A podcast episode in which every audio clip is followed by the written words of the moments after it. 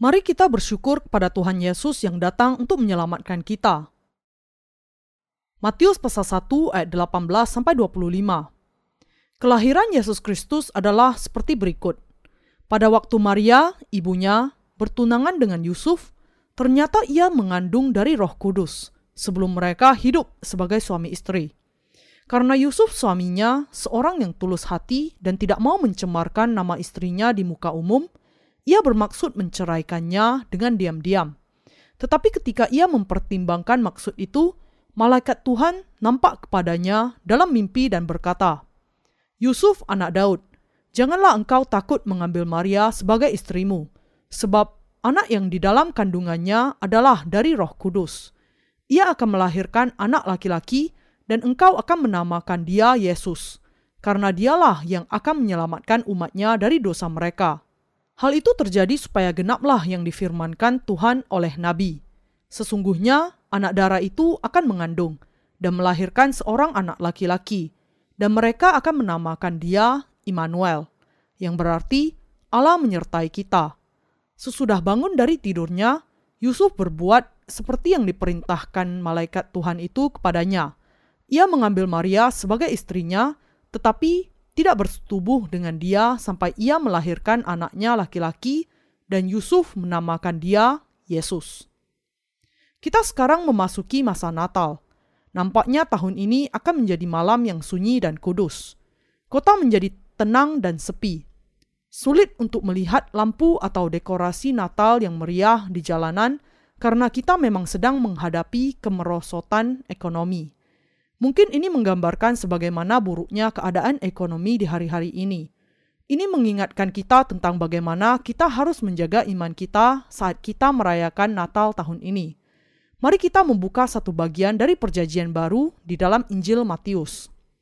Ayat 21 mengatakan, Ia akan melahirkan anak laki-laki dan engkau akan menamakan dia Yesus, karena dialah yang akan menyelamatkan umatnya dari dosa mereka. Tuhan kita dilahirkan ke dalam dunia ini melalui seorang anak darah dan diberi nama Yesus. Nama Yesus berarti dia yang akan menyelamatkan umatnya dari dosa mereka. Kita yang sudah bertemu dengan Yesus merasa bersuka cita ketika kita memasuki masa Natal. Namun, Natal sama sekali tidak berarti apa-apa jika kita tidak memahami apa makna hari ini. Kalau kita tidak menyambut Natal di dalam Tuhan, lalu apa artinya Natal ini bagi Anda? Kalau kita menyambut Natal ini di dalam Tuhan, kita bisa melihat bahwa kasih Tuhan kepada Anda itu berlimpah. Natal menunjukkan bahwa Allah, Raja segala raja, yang menciptakan alam semesta, sudah mengutus anaknya yang tunggal ke dunia ini untuk menyelamatkan umatnya dari dosa-dosa mereka. Ketika kita ada di dalam dia, Natal menjadi hari yang paling penuh sukacita dan ucapan syukur. Inilah sebabnya kita menetapkan suatu hari sebagai hari Natal dan bersyukur kepada Allah. Tentu saja, hari ini bukanlah tanggal yang tepat sebagaimana yang dijelaskan di dalam Alkitab. Beberapa orang mengatakan bahwa hari ini adalah hari penyembahan kepada dewa matahari. Namun, jangan sampai kita melunturkan makna dari Natal itu. Beberapa orang percaya bahwa kita menetapkan tanggal yang salah untuk hari kelahiran Yesus itu. Entah kapan pun tanggal pasti untuk hal itu, kita perlu memperingati Natal untuk mengingat mengapa Dia datang ke dunia ini. Ketika kita merayakan Natal, kita harus berpikir secara mendalam mengenai kasih Tuhan dan keselamatan yang kita terima dari Dia. Di dalam Kristus, kita perlu merayakan kedatangan Tuhan dan bersyukur kepadanya dengan percaya bahwa Dia menyelamatkan kita dari segala dosa kita. Agar kita bisa sungguh-sungguh merayakan Natal, kita perlu memahami makna yang sebenarnya dari Natal itu. Kita mengadakan ibadah pada hari Minggu. Itu diadakan pada pukul 11.12 siang. Sudah ada pukul 11.12 kemarin dan masih akan ada pukul 11.12 besok. Ini berarti bahwa dunia akan terus berjalan sampai Tuhan kita datang kembali. Dunia ini akan tetap ada sampai Allah meniadakannya. Akan tetapi, jika kita tidak memahami makna dari Natal yang sebenarnya di dalam Tuhan, lalu apa maknanya ibadah penyembahan yang istimewa itu dengan kita? Tanggal 25 Desember pukul 11.12 tidak memiliki makna yang lebih tinggi dibandingkan dengan waktu-waktu yang lain sepanjang tahun itu. Ketika kita menjelang akhir tahun, kita perlu menguji kembali iman kita kepada Tuhan. Maksud saya, kita perlu mengingat kasih yang diberikan Yesus kepada kita dan keselamatan yang sudah kita terima. Semua yang ada di dunia ini, bahkan kehidupan itu sendiri, dan waktu yang berjalan sama sekali tidak ada artinya tanpa Yesus. Di sisi lain, Natal memiliki makna yang sangat besar ketika kita menyambutnya di dalam Tuhan. Kita diselamatkan dari segala dosa kita karena Dia datang untuk menyelamatkan kita. Kalau Dia tidak datang untuk menyelamatkan kita, kita pasti akan dibinasakan. Tetapi Yesus dibaptiskan dan disalibkan karena kita. Dia datang ke dunia ini melalui anak darah Maria untuk menyelamatkan umatnya dari dosa-dosa mereka. Karena itu, sebagai orang-orang Kristen, Natal menjadi hari yang sungguh-sungguh kudus. Oleh karena itu, kelahiran Tuhan kita ada hubungannya dengan kita ketika kita memandangnya di dalam Tuhan yang menciptakan dan mengatur seluruh alam semesta dan mengawasi awal dan akhir. Karena itu, kita perlu melihat pekerjaan dari kasihnya yang sejati melalui Injil air dan roh. Dunia ini ada karena Allah menciptakan alam semesta. Allah mengatakan bahwa dia akan membinasakan dunia ini sebagaimana dia pernah melakukannya sebelumnya. Kita bisa melihat bahwa akhir dari dunia ini sudah mendekat. Sama seperti kita bisa merasakan dan memahami, oh, ini adalah karya Allah. Ketika kita memperhatikan di dalam Tuhan lingkaran musim semi, musim panas, musim gugur, dan musim dingin. Kita juga bisa merasakan bahwa Dia menciptakan dunia baru ketika Dia menyelamatkan kita dari segala dosa kita. Ia sudah menunjukkan ciptaannya kepada kita, sehingga kita mengetahui bahwa alam semesta ini berputar karena Yang Maha Kuasa mengendalikan alam semesta ini. Manusia percaya ketika mereka melihat dengan mata manusiawi mereka sendiri. Ketika kita ada di dalam Allah, kita bisa memahami dengan jelas bagaimana Dia bekerja. Namun, ketika kita memperhatikan empat musim itu di dalam Tuhan, kita bisa melihat dengan jelas pemeliharaan Allah. Kalau kita melihat kehidupan kita sendiri di dalam Allah, kita juga bisa melihat kehidupan kita dengan jelas. Ketika kita melihatnya di dalam Tuhan, kebanyakan orang hidup selama 70 atau 80 tahun dalam keadaan yang sengsara sampai mereka mati. Kita ditentukan untuk hidup dalam kesusahan dan mati dalam kesusahan. Kita bisa melihat bahwa Tuhan kita datang ke dunia ini, dibaptiskan, disalibkan, dan bangkit dari kematian untuk menyelamatkan kita yang ditentukan untuk binasa karena dosa-dosa kita sekaligus. Di dalam Kristus kita diselamatkan dari segala dosa kita dengan Injil air dan roh dan dikeluarkan dari kebinasaan dan kutuk. Karena itu, kita harus memandang segala sesuatu melalui mata iman di dalam Kristus. Beberapa orang meragukan bahwa Maria yang masih perawan sungguh-sungguh memiliki seorang anak – Bahkan beberapa pendeta juga meragukan kalau Yesus sungguh-sungguh dilahirkan oleh anak darah Maria. Ketika mereka berkhotbah dan berpura-pura merayakan inkarnasinya, sebenarnya mereka tidak percaya bahwa Yesus secara ajaib dikandung dan dilahirkan oleh anak darah Maria. Orang demikian menunjukkan kebodohan yang demikian. Kalau kita tidak melihat karya Allah melalui mata iman di dalam Tuhan, kita tidak akan mempercayai semuanya itu. Bagian ini mengatakan bahwa Yesus dilahirkan setelah dia dikandung oleh Roh Kudus, dan sebelum dia dilahirkan, Allah berfirman untuk menamai bayi itu Yesus. Semuanya itu dilakukan untuk menggenapi apa yang sudah dinubuatkan. Lebih dari 700 tahun sebelum Yesus dilahirkan, Allah bernubuat melalui Nabi Yesaya bahwa sesungguhnya seorang perempuan muda mengandung dan akan melahirkan seorang anak laki-laki, dan ia akan menamakan dia Immanuel. Yesaya pasal 7 ayat 14. Ini adalah nubuat yang mengatakan bahwa Allah akan datang ke dunia ini dalam rupa manusia untuk menyelamatkan manusia. Ketika kita memandang hal ini di dalam Tuhan, kita bisa melihat bahwa inilah karya Allah untuk membebaskan manusia dari dosa-dosa mereka. Hal itu adalah agar kita bisa melihat dan percaya bahwa Allah menciptakan manusia dan dia telah menyelamatkan kita dari dosa-dosa kita. Namun, Hal ini mustahil untuk dipercayai kalau kita hanya melihatnya dengan mata manusia dan berusaha untuk memahaminya dengan logika manusia. Sebagai akibatnya, beberapa orang mengatakan bahwa Allah tidak hanya menikmati ciptaannya manusia, tetapi Dia juga menikmati penderitaan manusia karena memakan dari pohon pengetahuan yang baik dan yang jahat. Sebagai akibatnya, kadangkala beberapa orang mengatakan demikian.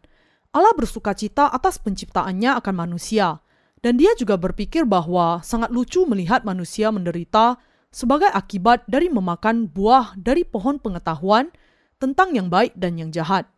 Tetapi saudara seiman, kenyataan bahwa bumi dan semua planet-planet yang lain berputar dalam orbit yang sudah ditentukan dan bahwa ada galaksi Bima Sakti, bahwa bumi ini memiliki kondisi yang sempurna untuk kehidupan manusia, bahwa ada siang dan ada malam, dan semua karya misterius dan mujizat kehidupan dengan ketepatan yang tidak dapat dipahami oleh ilmu pengetahuan modern memberitahukan kepada kita bahwa ada Allah yang penuh dengan kebaikan. Ketika Tuhan datang ke dunia ini, dia dikandung oleh Roh Kudus, dilahirkan dan menjadi Immanuel untuk menggenapi nubuatannya. Dengan kata lain, dia menetapkan pemeliharaan keselamatan darinya jauh sebelum penciptaan alam semesta dan menjanjikan hal itu kepada kita manusia serta menggenapinya sebagaimana adanya. Fakta bahwa dia datang melalui seorang anak darah saja sudah menjadi berkat bagi kita dan kita bersyukur kepada Allah untuk hal itu. Ketika kita menaruh kepercayaan kita kepada Yesus, kita tidak boleh memiliki sikap yang ragu-ragu. Ketika kita ragu, maka segala sesuatu terlihat meragukan. Itu terjadi karena ketika kita dibutakan oleh dosa-dosa kita dan menjadi penuh keraguan, dan iman kita tidak lengkap, kita tidak bisa melihat kebaikan yang mutlak dari karya Allah secara penuh. Tetapi ketika kita percaya sepenuhnya kepada Allah, mata kita akan dibukakan oleh Roh Kudus, dan kita dapat menerima Yesus untuk diselamatkan dari dosa-dosa kita. Kita yang percaya kepada kebenaran Allah diselamatkan dari dosa-dosa kita dengan percaya kepada Yesus Kristus karena kita sebenarnya memandang kepada karyanya di dalam kebenaran Tuhan. Kita diuntungkan karena kita melihat semuanya itu di dalam kebenaran Tuhan. Tetapi mereka yang tidak percaya kepada kebenaran Allah tidak akan bisa menyambut Natal dengan makna apa pun. Yesus datang ke dunia ini sebagai Immanuel untuk beserta dengan kita. Dia dikandung dari Roh Kudus dan dilahirkan sebagai bayi Yesus dan dia menanggung semua dosa manusia dengan dibaptiskan ketika berusia 30 tahun, disalibkan dengan memikul segala dosa dunia, bangkit kembali dari kematian, dan menjadi Allah Immanuel yang akan datang kembali. Dan Tuhan kitalah yang dikandung oleh roh kudus, yang dilahirkan sebagai bayi Yesus, dan bertumbuh untuk menanggung segala dosa kita dengan dibaptiskan dan menyelamatkan kita dengan darah kayu salib yang berdiam dan berkarya di dalam kehidupan kita sekarang sebagai Roh Kudus. Dan Roh Kudus berdiam di dalam hati beriman kita yang percaya kepada kebenaran Allah, memberikan kepada kita anugerah keselamatan, damai sejahtera, dan berkat-berkat, dan memungkinkan kita untuk mempercayai fakta bahwa Yesus telah menjadi juru selamat kita yang kekal. Bagaimanapun, 25 Desember adalah hari di mana kita mengingat kelahiran Tuhan Yesus untuk merayakan dan mengucapkan syukur kepada Allah. Kita bersyukur kepada Allah karena dimampukan untuk merayakan hari ini. Kalau tidak ada Natal pada tanggal 25 Desember, bumi akan menjadi tempat yang suram. Kemudian manusia akan hidup dalam keputusasaan tanpa Yesus. Tidak ada sesuatu pun yang menyenangkan. Umat manusia menerima pengharapan baru dengan satu kenyataan bahwa juru selamat manusia juru selamat dari orang-orang berdosa, juru selamat orang-orang yang berjalan menuju kepada kebinasaan datang ke dunia ini. Bagaimanapun sengsaranya masa lalu, kita memiliki harapan untuk masa depan di dalam Tuhan. Pengharapan apakah yang akan kita miliki di dunia ini kalau Yesus tidak datang? Apakah yang sudah dilakukan oleh orang-orang yang disebut sebagai orang bijaksana dan orang kudus di dunia ini, seperti Socrates, Sakyamuni, dan Confucius kepada kita, mereka tidak memberikan apa-apa kecuali pengajaran moral saja. Siapa manusia di dunia ini yang tidak ingin menjalani kehidupan yang baik? Mereka tidak bisa memberikan kepada kita keselamatan dari dosa-dosa, dari penghakiman, dan dari kebinasaan kita. Yesuslah satu-satunya pribadi yang sudah menyelamatkan Anda dan saya dari segala dosa kita. Dia datang ke dunia ini untuk menghapuskan semua dosa kita melalui baptisan dan penyalibannya. Hanya mereka yang percaya kepada Injil air dan roh, yaitu kebenaran Allah, bisa diselamatkan dari dosa-dosa mereka. Mereka yang tidak percaya kepada kebenaran Allah tidak bisa dilahirkan kembali.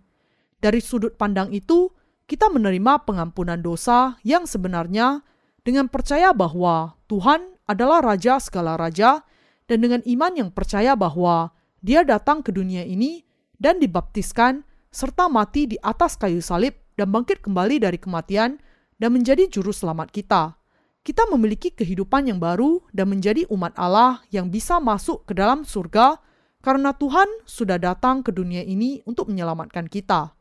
Sejarah manusialah yang membawa kita kepada sikap menghancurkan diri sendiri ketika kita saling menggerokoti dan menelan satu sama lain. Sampai sekarang, kita hanya memiliki sejarah saling menggerogoti, menggigit, dan membunuh satu sama lain. Dosa saling membunuh ditanggungkan kepada Tuhan kita di Sungai Yordan saat manusia yang terbesar di sepanjang sejarah manusia membaptiskan Dia, dan kita diselamatkan dari dosa kita sekali untuk selamanya ketika Dia disalibkan bagi dosa-dosa kita. Tetapi Yesus datang ke dunia ini dan menanggung segala dosa-dosa orang berdosa yang saling menggerogoti dan membunuh sesamanya dengan dibaptiskan di Sungai Yordan oleh manusia yang terbesar di dalam sejarah manusia dan menyelamatkan kita dari segala dosa dunia sekaligus dengan memberikan dirinya dan mati di atas kayu salib. Kita harus percaya kepada kebenaran ini sekaligus. Demikianlah caranya Tuhan memberikan kepada kita pengharapan keselamatan. Jangan sampai kita pernah mengeluarkan iman kita yang percaya dan yakin kepada Yesus Kristus dari kehidupan pribadi kita atau dari sejarah manusia tidak akan ada sejarah manusia tanpa Yesus Kristus. Tidak akan ada nilai-nilai keluarga yang sejati tanpa ada Yesus di dunia ini. Tidak akan ada iman sejati atau keselamatan sejati tanpa Yesus. Anda bisa mengatakan, itu yang Anda katakan karena Anda seorang pengkhotbah. Namun, bukan demikian. Saya mau memberikan sebuah contoh. Saya baru saja mengatakan bahwa tidak akan ada sejarah manusia tanpa Yesus. Mari kita menguji apakah pernyataan ini benar atau tidak. Kerajaan Inggris Raya di masa lalu sudah menaklukkan banyak negara, dan karena itu ada ungkapan yang mengatakan, matahari tidak pernah terbenam di wilayah kerajaan Inggris Raya. Tidak ada satu waktu di dalam satu hari di wilayah kerajaan Inggris Raya di mana matahari terbenam Ketika matahari terbenam di salah satu wilayah jajahan kerajaan Inggris, matahari yang sama sedang terbit di wilayah jajahan yang lain dari kerajaan Inggris. Oleh karena itu, matahari tidak pernah terbenam di kerajaan Inggris.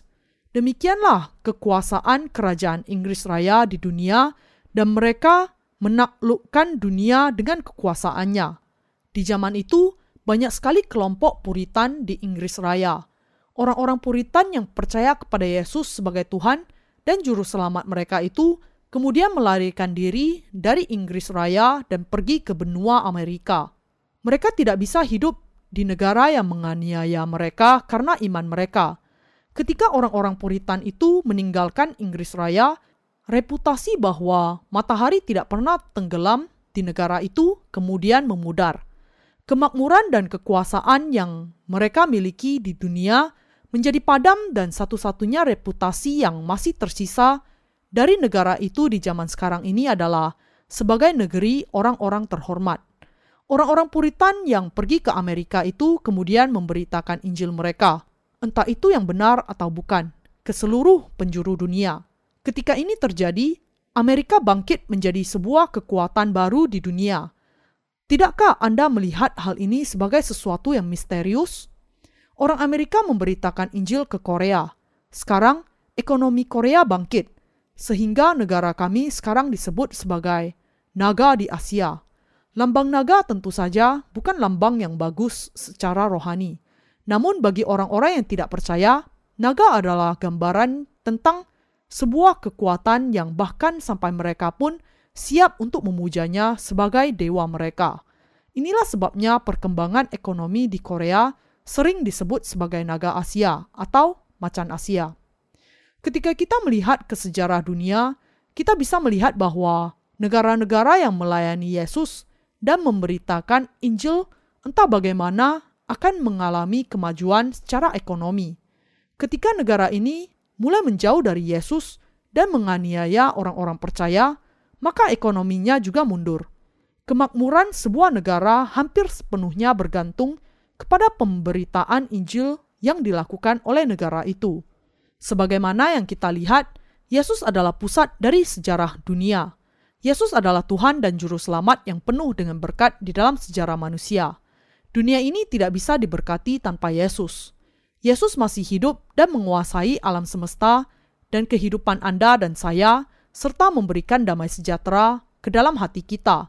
Kita harus memandang kepadanya, menyembah Dia, dan bersyukur kepadanya atas anugerahnya yang berlimpah.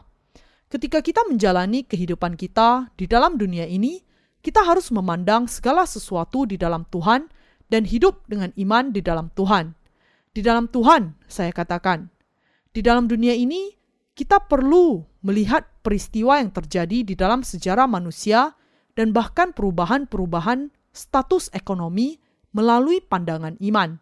Kita bisa melihat segala sesuatu dengan benar hanya kalau kita melihat semuanya itu melalui pandangan Yesus Kristus.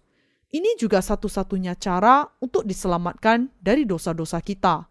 Siapakah Yesus Kristus bagi kita? Dia adalah raja di atas segala raja. Kita harus bersyukur akan kenyataan bahwa sang raja itu sudah datang ke dunia ini untuk menyelamatkan umatnya.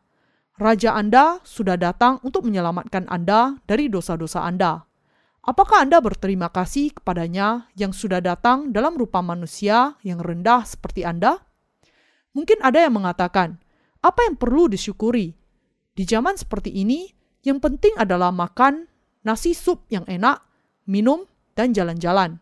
Kalau ada orang yang mau mengundang saya untuk makan dan minum serta mentraktir saya, mungkin saya akan berterima kasih kepadanya.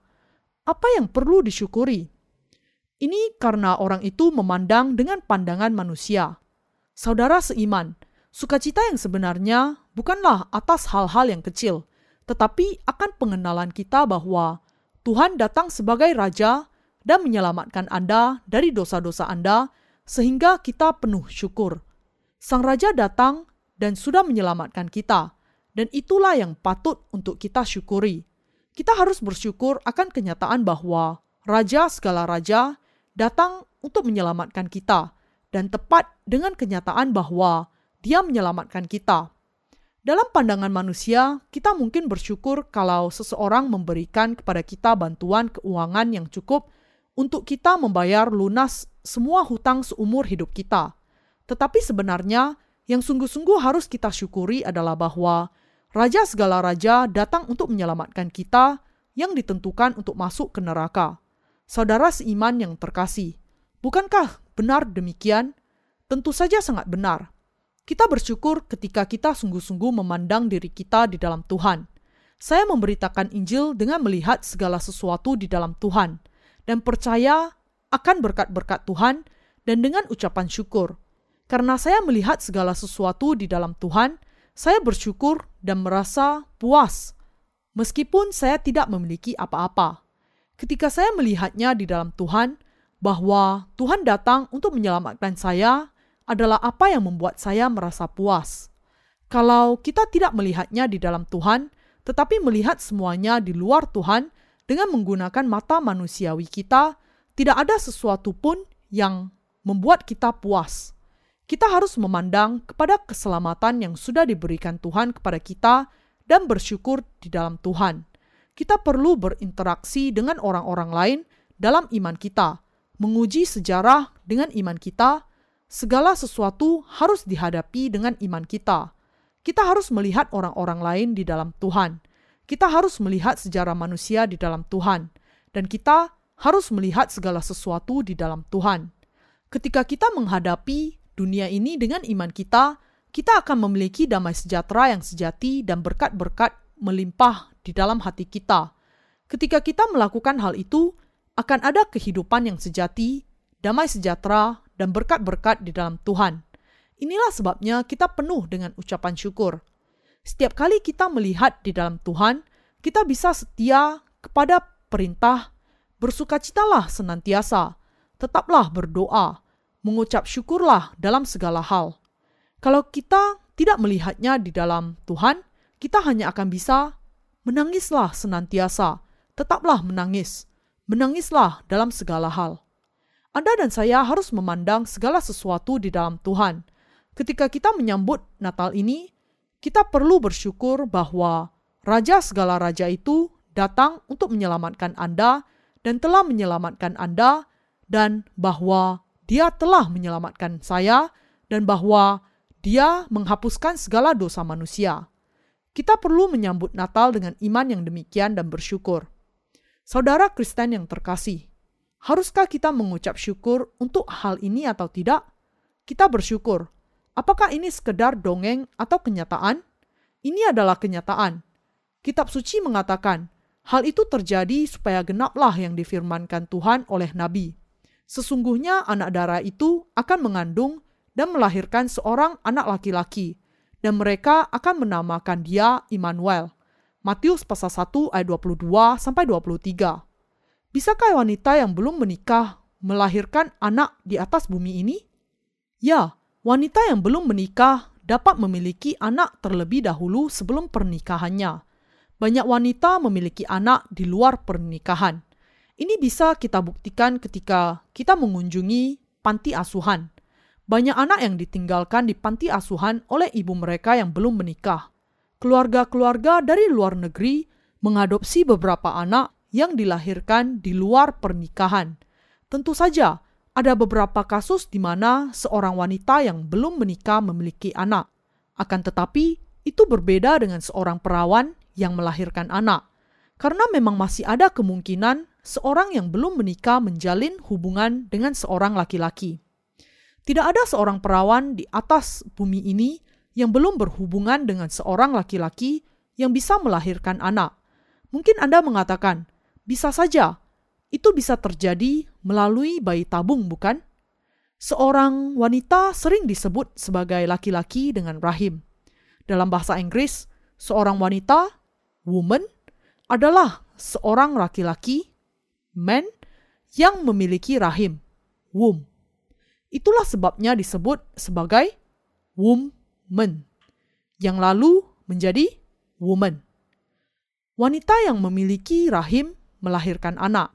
Akan tetapi, seorang laki-laki mutlak harus ada supaya wanita itu bisa melahirkan bayi, karena hanya laki-laki yang memiliki benih untuk bayi yang akan ada di rahimnya. Maria juga seorang wanita yang memiliki rahim, namun tidak ada laki-laki.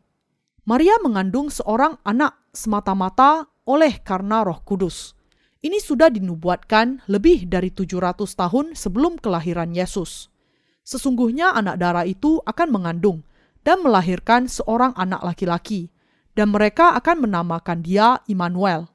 Malaikat Gabriel menampakkan diri dan menyampaikan berita dari Allah bahwa Maria akan mengandung Yesus. Malaikat itu mengatakan, "Wanita yang diberkati, kasih karunia Allah akan menyertai engkau. Engkau akan mengandung seorang manusia yang hebat. Lalu Maria bertanya, bagaimana hal itu mungkin terjadi karena aku belum bersuami? Dan sesungguhnya Elizabeth, sanakmu itu, ia pun sedang mengandung seorang anak laki-laki pada hari tuanya. Kenyataan bahwa istri Zakaria, Elizabeth, sedang mengandung dalam usia tuanya, atau kenyataan bahwa seorang anak darah mengandung seorang bayi terjadi sebagai penggenapan akan nubuat melalui pemeliharaan Allah yang khusus. Kemudian Maria menjawab, Sesungguhnya aku ini adalah hamba Tuhan. Jadilah padaku menurut perkataanmu itu. Dan menerima berita yang dibawa oleh malaikat itu, dan sang bayi kemudian bertumbuh di dalam rahimnya. Inilah Yesus Kristus. Karena ini bukan kebohongan dan merupakan kebenaran, kita sangat bersyukur dan semua orang yang percaya kepada hal ini diberkati. Kita yang ada di dalam Kristus tidak bisa cukup mengucapkan syukur kepada Allah yang memberikan anaknya yang tunggal kepada kita. Akan tetapi, bagi mereka yang tidak percaya kepada kebenaran ini, Natal tidak lebih dari sekedar hari untuk memberikan persembahan Natal untuk mencukupi anggaran gereja. Beberapa ratus ribu dolar bisa dianggarkan melalui persembahan khusus untuk Natal dengan alasan untuk Natal. Banyak orang yang mendaftarkan nama mereka sebagai orang-orang yang memberikan persembahan khusus. Tetapi Allah tidak senang dengan hal itu. Kita harus bersyukur bahwa penyembahan kita bukanlah sekedar perkumpulan saja, tetapi kebenaran untuk merayakan kelahiran Yesus dan bersyukur kepada Allah. Kita bersyukur kepada Tuhan karena sudah datang dan menyelamatkan kita dari kebinasaan dan dosa dan menyelamatkan kita dari segala dosa kita. Dari antara hari-hari yang kita jalani di sepanjang tahun, Natal merupakan hari yang kita peringati untuk menerima berita yang paling diberkati di dalam Injil air dan roh. Kita harus bersyukur dengan sungguh-sungguh percaya kepada Injil air dan roh di dalam hati kita dan kepada keselamatan yang dari Tuhan. Kita juga harus percaya dan menilai segala sesuatu dengan iman dan mata yang melihat di dalam Tuhan dan mengikuti dengan iman di tahun depan juga. Apakah Anda semua bersyukur kepada Allah? Tuhan kita sudah memberikan anugerah yang sungguh-sungguh ajaib. Sekarang, Tuhan beserta dengan kita. Kita sangat bersyukur sampai kita tidak tahu bagaimana cara untuk mulai mengucapkan syukur kepadanya. Kita memberikan kemuliaan kepada Allah kita.